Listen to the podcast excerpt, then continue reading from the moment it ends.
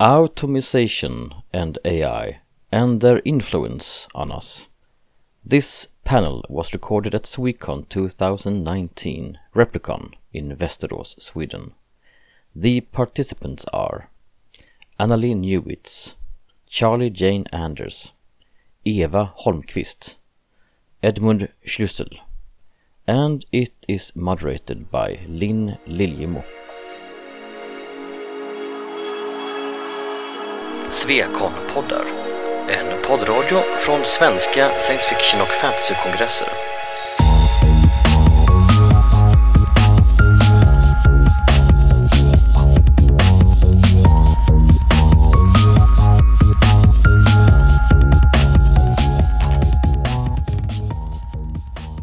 Okay, it's four o'clock. Uh, welcome to this panel. We're going to discuss automation and AI and their influence influence on us. And my name is Linn Liljemo. I'm going to be the moderator. Um, my background is in biotechnology, so not exactly the same, but uh, maybe we'll see. uh, first, I would like to ask you panelists if uh, since this is quite a technical field, if you use a term or something that you think might need an explanation, please do. Uh, and then, please introduce yourselves uh, and why you're on this panel. We can start with Eva, perhaps. Yes, uh, my name is Eva Holmqvist and I'm an author, uh, writes science fiction and fantasy, I lot with uh, artificial intelligence. Uh, I'm also an engineer uh, my background is in computer engineering and I work with quality assurance and testing and that includes systems, that includes artificial intelligence and a lot of automation projects.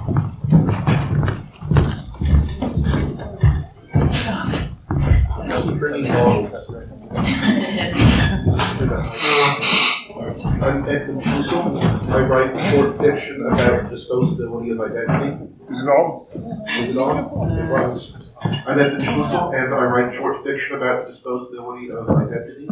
And I work as a high school mathematics teacher, which involves a lot of assessing whether or not individuals are intelligent or not. I'm pretty sure some of my ninth grade class is not conscious.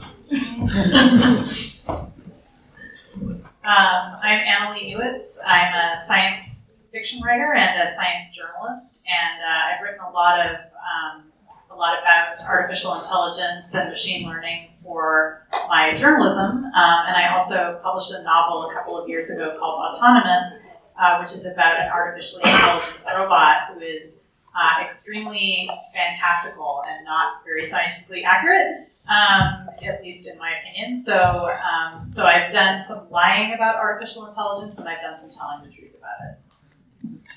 Hi, I'm Charlie Jane Anders. Um, I wrote a novel called All the Birds in the Sky, which has an AI character in it, and I've also written a fair bit of short fiction about with AI in it.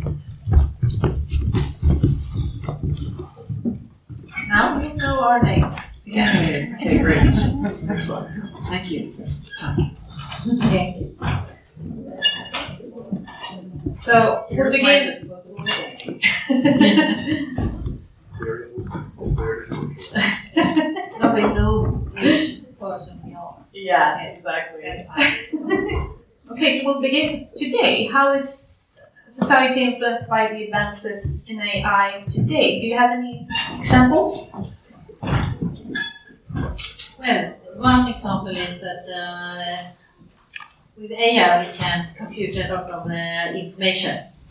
So we actually using artificial intelligence to analyze the data and make predictions, and it's used in advertising, in uh, telling you uh, what uh, Netflix TV series you want to watch, and a lot of different uh, situations, and uh, that influences the way we make decisions as individuals. I think that's certainly true, and I think machine learning algorithms are being built into a lot of services that we access online, including things like in the United States, whether you're going to get a mortgage or a bank loan uh, might be influenced by uh, by machine learning. Um, there are predictive police systems which can uh, guess at where crime might happen um, and have and also guess at who might uh, commit crimes again. Um, so not like pre-crime exactly, but uh, they they're intended to aid uh, police um, in the United States. Um, and also, um, as you were saying, it, it, shapes how we get our news. Um, of course, we all know that algorithms control uh, how we see news on Facebook and how we um, get information about our friends on Twitter. And so it's it's shaping it's shaping people's lives. I mean, whether they can get access to money, um, and it's also you know shaping our information.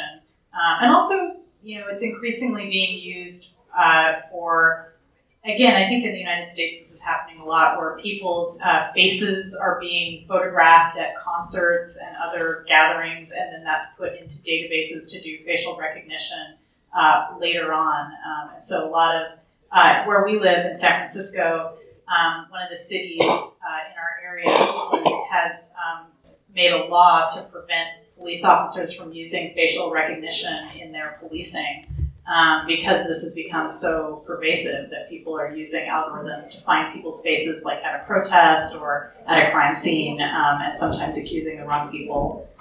Previously, institutions, previously institutions like banks or the police had to be discriminatory on an individual basis. This has allowed them to industrialize the process and oppress people much, much more efficiently. Progress. yeah, I guess uh, what you're coming to here is bias uh, if you feed the system with biased information, you get bias out. Do you have any more examples of this? Um, well, there's uh, there's a great uh, book that came out um, a couple of years ago in English by a professor named Safiya Noble called "Algorithms of Oppression." A very memorable title where she talked about um, a seemingly innocuous, a seemingly very simple thing, uh, Google Photos, Google image search, uh, was racist because what she found was that if she went to Google image search and typed in the phrase beautiful woman, um, all of the results were white women. And it took a really long time scrolling through before you saw the first brown face and the first black woman and uh, it turned out that this was just based purely on human bias because Google was relying on metadata associated with those pictures, how, how people had described those pictures, and they were getting data from white people. And it created an algorithm that had decided uh, that white women were more beautiful. And so Google has corrected that since she brought the world's attention to it. Uh, but there's a lot of other kinds of very subtle bias like that, where uh, machine learning algorithms are trained on data sets. And of course, those data sets are produced by people and by our habits. And of course, I think we're all familiar with the fact that humans sometimes are kind of prejudiced um, a little bit biased, and so that affects our data. And one other instance that actually affects this is uh, how we collect the data. Because, uh, for instance, if you collect uh, the data in America, uh, you have certain people uh, that live in America. So people that live in other parts of uh, are not in the training data, and that influence how these algorithms interpret the pictures. So even though you may not have an well a bias in deciding if this is a beautiful woman or not, you can have it just by the way we collect the data. So we uh, have this uh, representation in the data set that is used for training data. And these can all become positive feedback loops. Uh, there was a discussion earlier that, uh, in one of the earlier panels over uh, why storytelling is not yet automated. That was one of the things that uh, Orwell predicted in 1984 that hasn't happened yet was automatic right, uh, automatic machine writing. Uh, but part of it is because the cost of authors have, gotten a lot cheaper over the past several decades. Uh, so that the incentive to automate the process is not quite there yet. But I do think that um, things like fashion magazines will very quickly become automated production processes because it, it, it is so heavily algorithmatized what goes into uh, one, one, one, one of these journals already anyway. The standards of beauty are decided by an editorial board, and then that's projected and you just pick that out of that. item. That's the trend that we're going to send people this month. Um, I don't it will happen with fashion because fashion is so dependent on all kinds of cultural quirks and it's you know it's very variable. But there have been extremely successful tests of um, machine learning algorithms writing sports stories, and that's actually happening a lot in the United States. That sports stories because all they have to do is list the scores and sort of the play by play. And this is especially for small small games between college teams. And so, yeah, a lot of that is algorithmically generated. So you just get like a little sports story written by a robot. Um, yeah, technical articles are a great place for that to start. But yeah, I, I look forward to robots telling us what our fashion should be. that would be kind of interesting, yeah. And then maybe we could go into the future. What, where do you stand on optimism versus concerns about AI advances? Do you think that prevailing images uh, of AI are too optimistic or unrealistic? I think that people have an unrealistic sense of how uh, powerful AI is going to be, and I think that people trust AI more than they should. And this idea that, that Annalee mentioned that you know AI is basically reproducing our biases, and that AI is, is largely a product of you know it just it's a, in some sense a tool for magnifying human error. Like you know we it can endlessly replicate our own biases and our own kind of mistakes. Um, I think that you know mass media and a lot of like futurism that's very popular right now kind of presents AI as infallible or brilliant or wonderful. And I think AI is going to get more sophisticated, but also better at reproducing error and better at you know creating problems. And I think that this this sort of triumphalist idea that like where the singularity is going to happen and that we're going to all just like you know have unlimited rice pudding forever, um, and you know we're going to live in a world of candy and, and unicorns because of the singularity is is is very damaging. Uh, because you know AI is going to create as many problems as it solves, and it's still going to be an extension of people. It's not going to be an independent thing ever, at least not for a very long time. Yeah, there was recently a scandal um, in in Berkeley where a company working in Berkeley was had invented these bots, and the robots are like little. They look like little boxes, kind of like Wall-E, but more square on wheels, and they deliver food. So you can order online, and you, whoever makes the food pops it inside the robot. It's, it's a warm container, and the robot rolls over to the college dorm or to wherever you are. And um, the, the company, KiwiBot, was claiming that they had this incredible algorithm that they'd invented that allowed the robots to avoid people and like when traffic was coming and like they were just these algorithms were so sophisticated and so they got a lot of money because they claimed that they had all these algorithms and then it was revealed that actually all of these robots were being driven by people in Colombia um, who were like sitting at keyboards with little. Um, I assumed like they had some kind of joystick and they're just driving them around. Maybe they had a keyboard direction. I don't know. Um, but so people were actually driving them. So um, so AI is people, and I think that's um, really going to continue to be the case for a super long time, like like Charlie Jane was saying. Um, and I also think that one of the most damaging fantasies about artificial intelligence is that we're going to have some kind of super intelligence because we don't even understand human intelligence. Like, we have no idea how to measure human intelligence. There have been all of these efforts to try to quantify human intelligence, and they're all bullshit. They're all based on some notion of intelligence that we've inherited from 19th century science that has been completely disproven. And we can't measure how much um, emotion plays into intelligence, how much your upbringing plays into intelligence, how much bias plays into how we measure intelligence. So if we can't even figure out what it even means to have intelligence in a human, um, and we can't even acknowledge that non-neurotypical people are also intelligent, um, I don't think we're gonna gonna be on a path toward inventing a super intelligence anytime soon. Um, so I, I think that there's a lot of human work that has to be done before we can even begin to have something like, um, you know, the, this human equivalent even.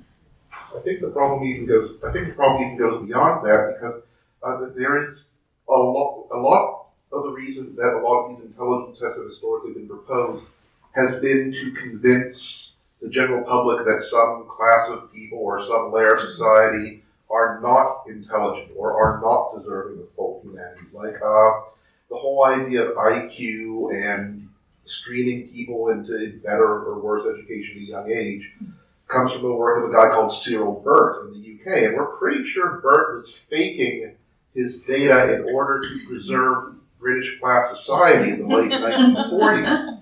But his theories are still being applied. If you're studying Britain, there are a number of counties that still do what's called the 11 plus exam, which is at the age of 11, they determine if you'll go into a good school or you go to where, which will track you to a good university, or you'll go to a comprehensive. Uh, and this, this is something that has happened as long as the scientific method has existed. In, institutional racism, institutional class discrimination are deliberate projects. And I think if we do manage to build intelligent AI, uh, you know, some, something that is conscious, there's going to be a big industry in convincing people that yes, the robot is crying for help, but it doesn't really mean it. It's just programmed really well to make you feel sorry for it or something like that. Uh, remember, the, the robot uprising myth.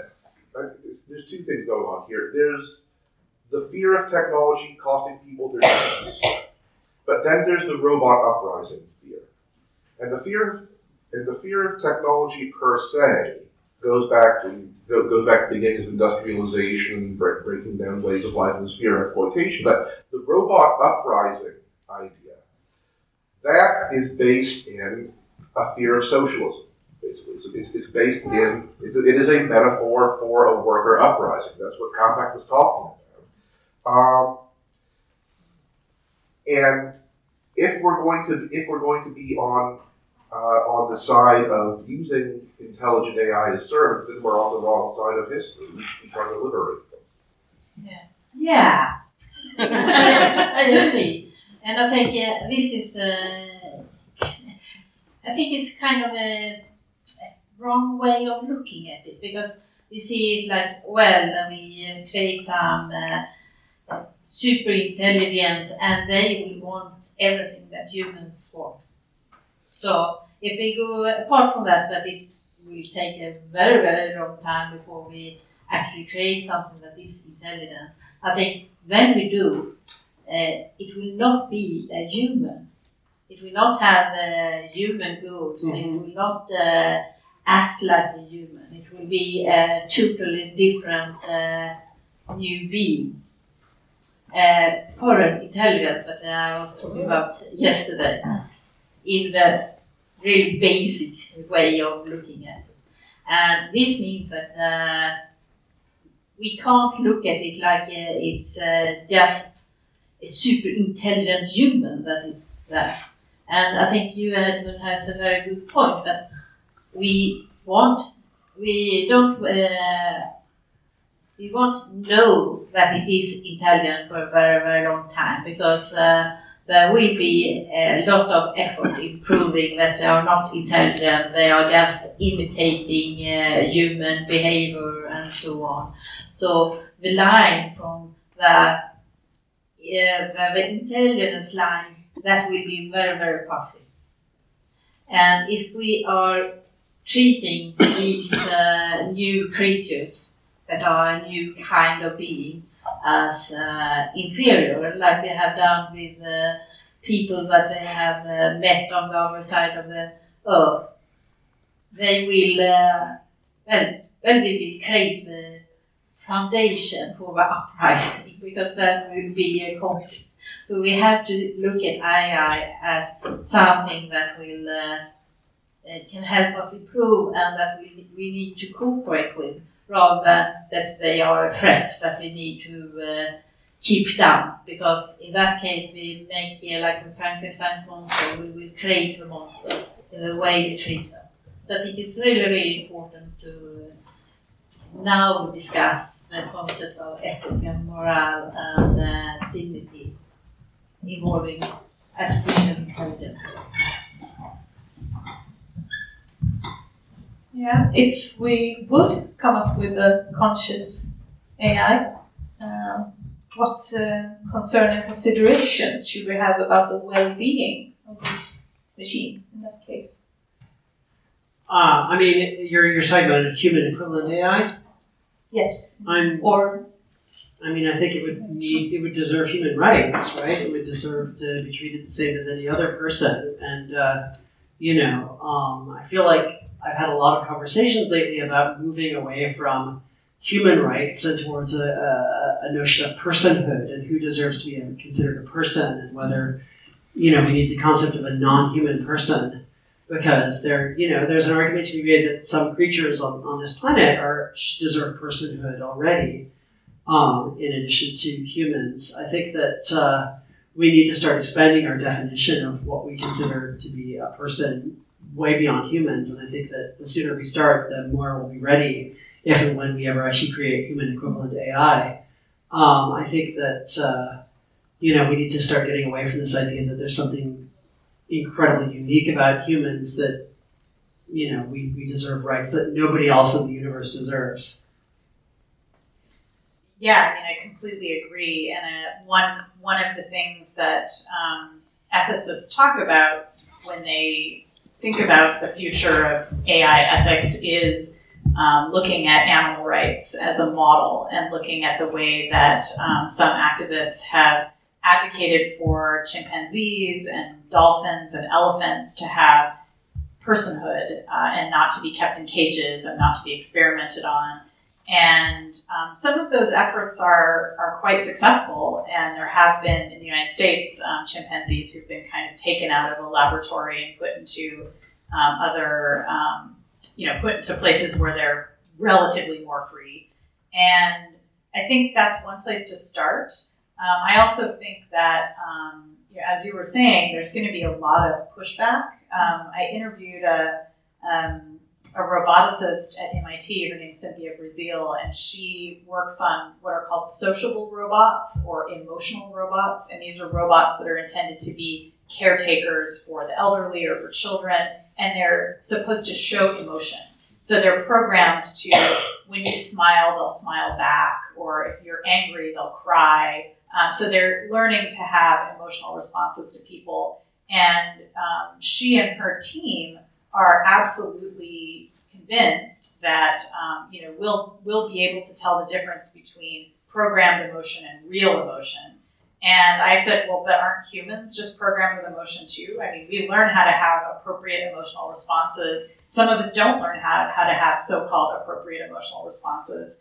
And um, you know what what's the difference? And she just seemed to feel that it was just common sense that a machine would never be able to have real emotions. So I think that there's a unique problem there uh, that's maybe a bit different from animal rights because we didn't create animals, but we can actually claim that we've created artificial intelligence and that you know we, we understand every aspect of its cognition and we can say for absolute sure that they're not people. So I think it is going to require a different framework. Um, but in the end, yeah, I mean, we have to give them human rights. Um, otherwise, we're just going to be back in a, in a slave society. And I don't know if there'll be an uprising or if there'll be uh, some other calamity. But um, one thing I do know for sure is that when you take a person and try to deprive them of their personhood, um, they don't like it. They're never happy, and they will try to stop you. I used to do a lot of uh, work in student unions, and it, it, while I was there, I met a lot of people who worked very hard, desperately sociopathic people who worked very hard on emulating certain emotions that they were not experiencing themselves. That they wanted to convince you that they cared about you and your wishes, and they will fight for you. And it terrifies me to see some of those people become successful. Um, the, and the, the Russian psychologist Lev Vygotsky, uh, he did a lot of uh, reflection on consciousness and meaning uh, in the early part of the 20th century. And one of his big uh, conclusions was that consciousness is a collective process. Uh, a lot of our framework for things like the Turing test, uh, for, for, these tests for artificial intelligence, are very individually based. It's one person talking to the, the whatever is on the other side of the keyboard.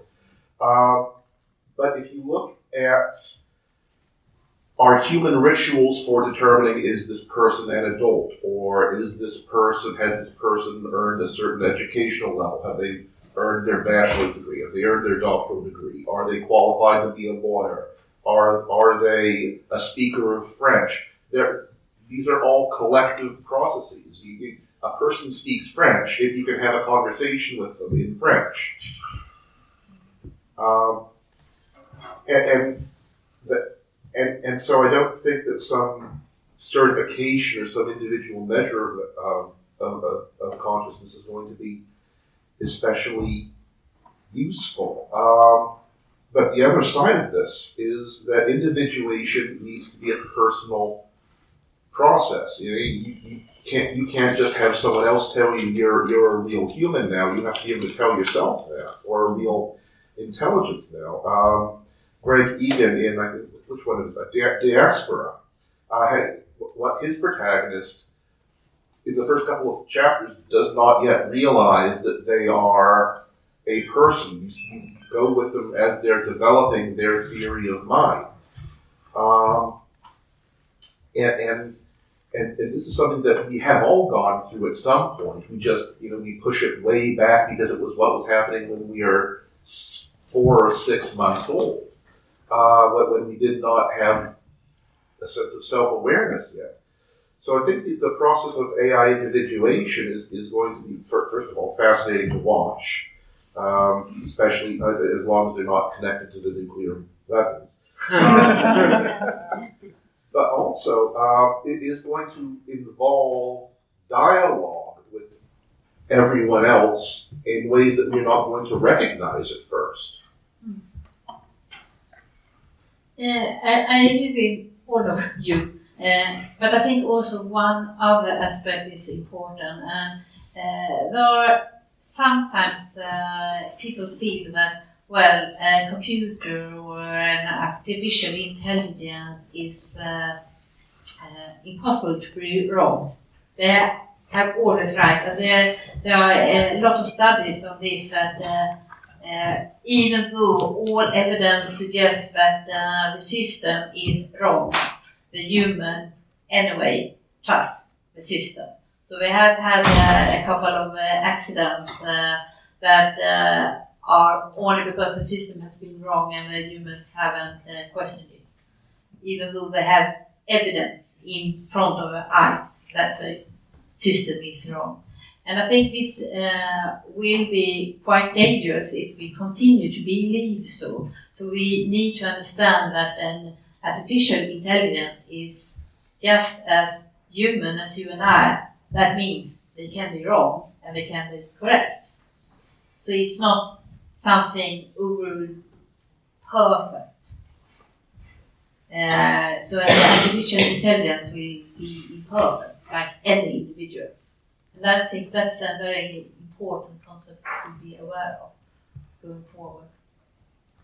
Also, there'll probably be different kinds of artificial intelligence too. One of the things people talk about in the AI community a lot is the an ecosystem of intelligence, where there's different kinds of, of AIs that do that have evolved from different tasks. So you might have you know one artificial intelligence that is responsible for doing anti-spam on your email um, and so that turns into one kind of intelligence. And then there's another kind of intelligence that operates um, arms in a factory making cars. And so that is a very different kind of intelligence for a different kind of task. Um, and all of these different kinds of tasks that you might imagine, you know, one might be doing environmental monitoring, one might be doing traffic monitoring.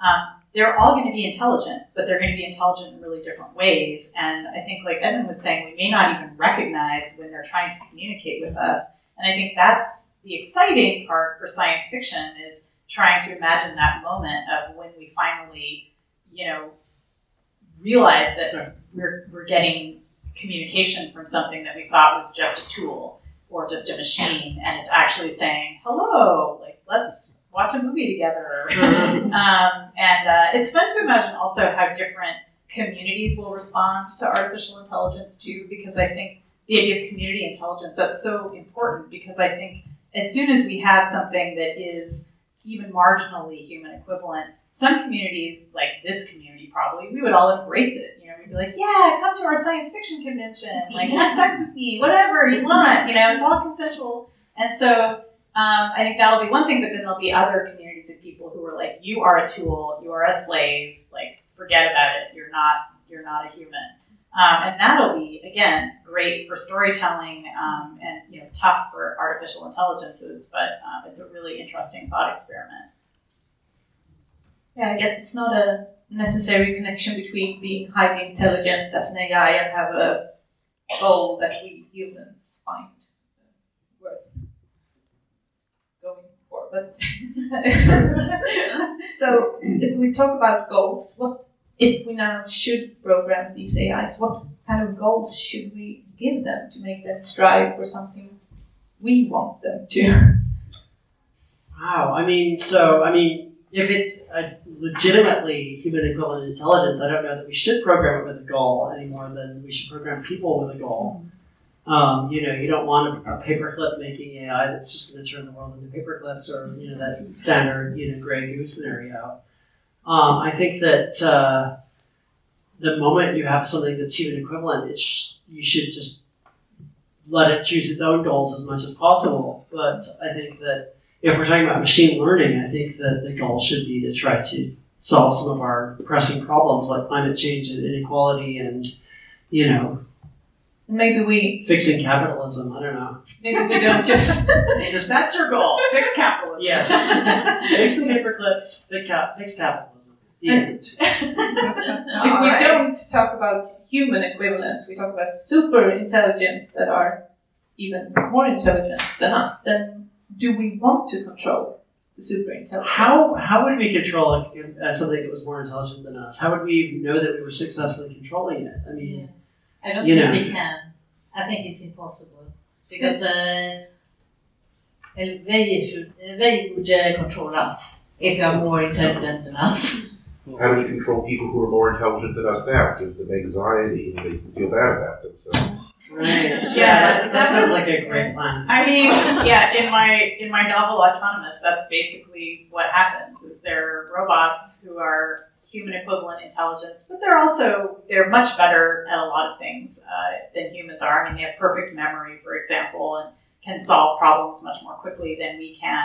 Um, and but they're incredibly neurotic. I mean, they've been implanted with all kinds of human goals and uh, human needs, and they want to please humans, and they want to kind of you know, they, they like people and they want to fit in. And so, yeah, they're completely fucked up and they need therapy and they make bad romantic choices and they make bad decisions at work. And um, so they're doing it really fast and really efficiently. So it's very efficient, neurotic robots. So I do think that that is how you wind up controlling anything that's that's really intelligent. Also, again, I would like to point out we don't even know what intelligence is. So how would we know if it was super intelligent? Maybe being super intelligent means like being really empathetic and, and Mhm. actually being super bad at math.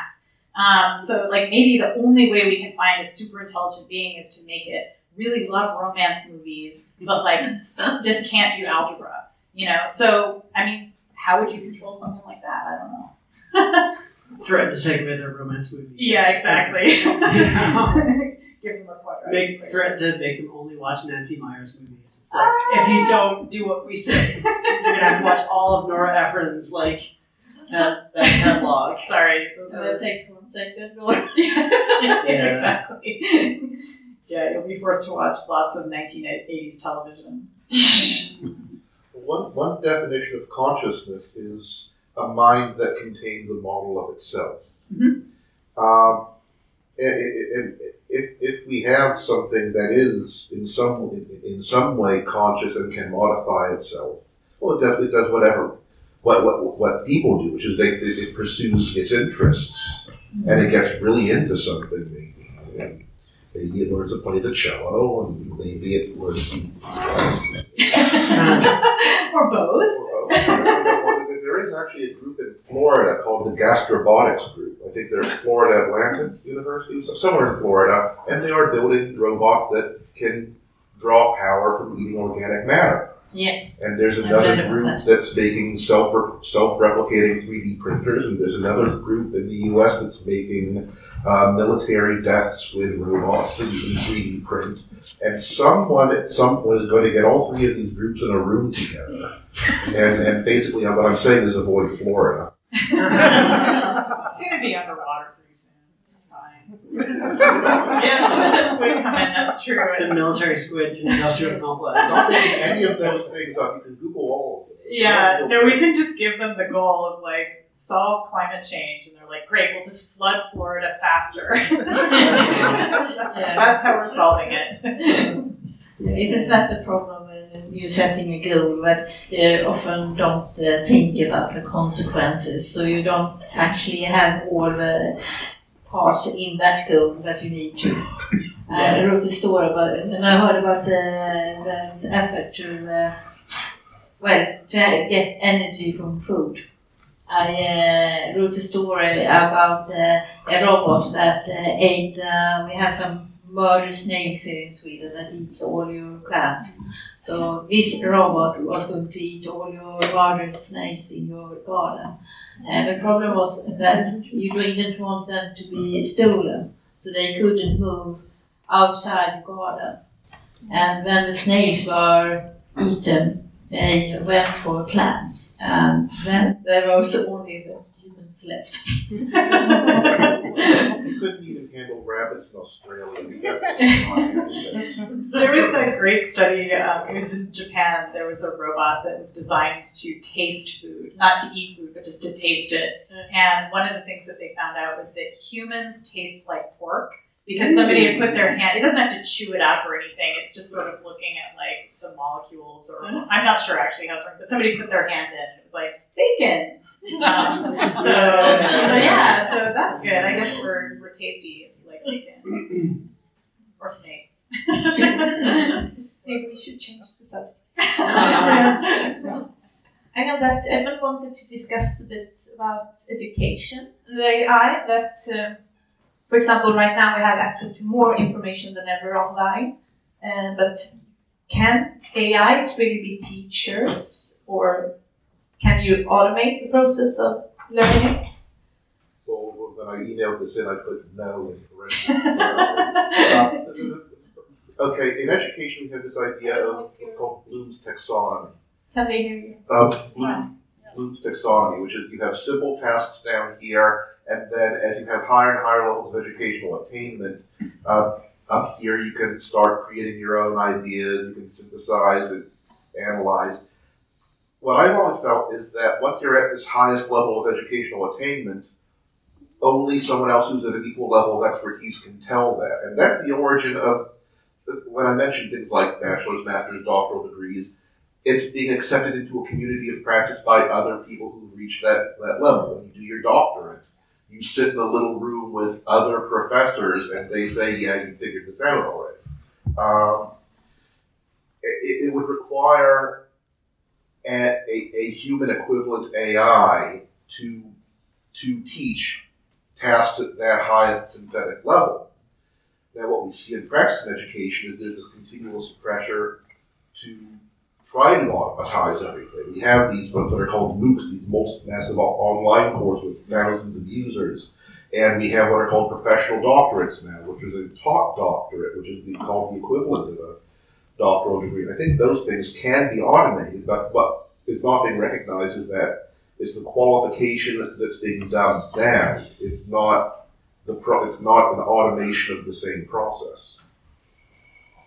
Yeah, I mean, I think this fits in with like a lot of questions that we have as as automation becomes a larger part of many different industries. You know, can can automation replace teachers? Can automation replace journalists? Um, can it replace musicians? Um, you know, we keep asking these questions because we're seeing uh, robots replace people in factories, and so we say, all right, well, if you have a robot arm that can make a car, um, why can't you have a robot two hands write a novel? Um, and I think that um, you know, it's interesting because people are doing experiments with this.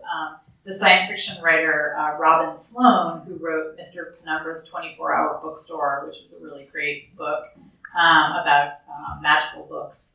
I, I love books about magical books. Anyway, so he's for his new novel, he's written it, an algorithm that is helping him write the novel. And what he did was he, he took an algorithm and he fed it with a bunch of different data that he found interesting, um, science fiction novels, but also legal documents and some uh, various things that, like historical documents, things that he imagines would help uh, generate interesting prose. And so he has been, um, he's written about this. He has an article in the New York Times that came out a few months ago where he talks about how he did this. And so he is kind of making a novel with artificial intelligence, but it's also something that he's using as a tool. And so it's, I mean, it seems to me that education is kind of in the same place where you can have an actual human teacher who might automate some of the teaching, um, but it would never, I don't think you could ever replace like a human writer or a teacher, um, unless you had a, a human equivalent artificial intelligence, in which case awesome, right? Then Yeah. then they should just be a person who gets to write whatever they want to write. I mean, I've, I've been gotten hooked recently on an app that I know is very popular in Sweden called Duolingo, um, using it to learn Portuguese. And that is an example of education being kind of automated. It's, it's, it, it's teaching me, you know, different kinds of Portuguese syntax through kind of, you know, there's a lot of rote phrases, there's a lot of like, you know, it can tell if I'm pronouncing it right or not. It, you know, Oh, really? yeah, yeah, no, oh, wow. there's, cool. there's a thing where it will be like, here's a phrase, and repeat the phrase, and it'll be like, you pronounce this word wrong. And, you know, I'm not sure how accurate that is. It seems moderately accurate, but it's at least, you know, it is doing some of the work of a human teacher uh, through, you know, machine learning. So, Uh, there are a lot of discussion around this in uh, the engineering community as well. Uh, for instance, I work with uh, testing, and uh, there are a lot of uh, work to automate a lot of the testing. And uh, well, my uh, view on it is that well, some of the tasks that we are doing in testing can be automated. Some are not possible to automate. And uh, a better way of looking at it is not that see that we, we want to automate the human task, but uh, use the computers for the things they are better at. For instance, they are much better than us to analyze a very great quantity of data. We can't do that. Uh, but we know that uh, we have a lot of information there, so we can use them as tool to get information that we can then act upon.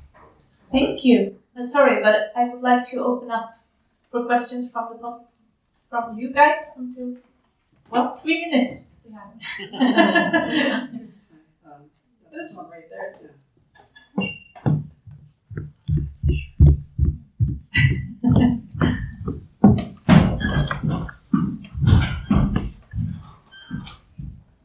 Hey.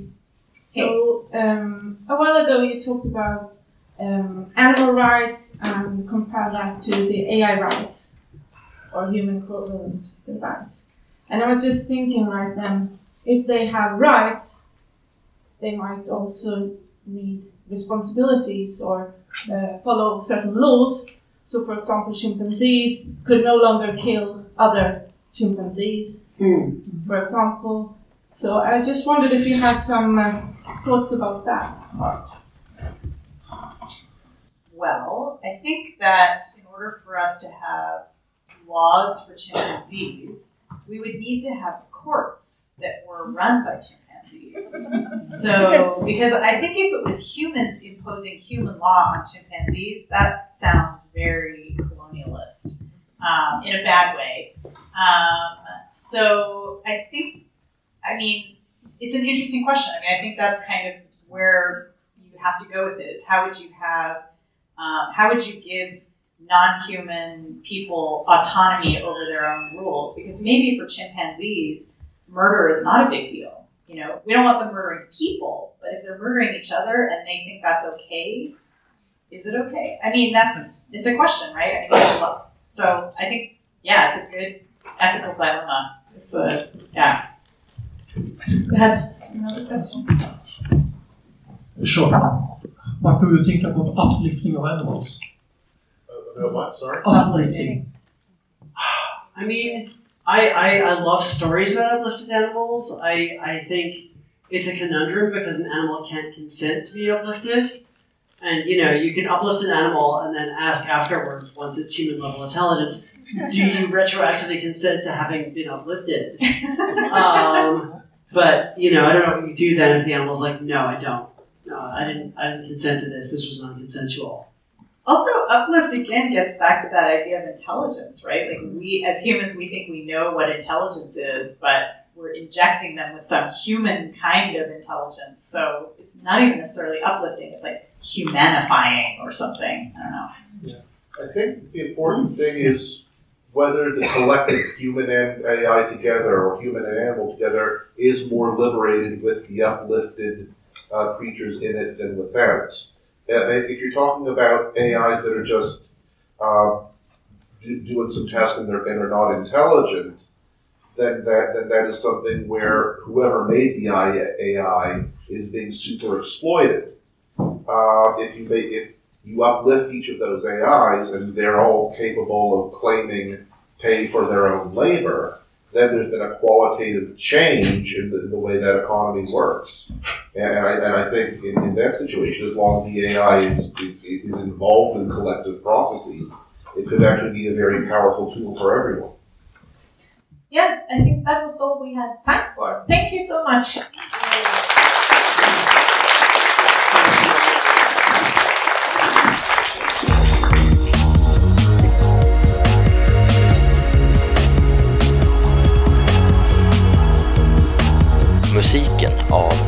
Psychedelic Pedestrian från Free Music Archive.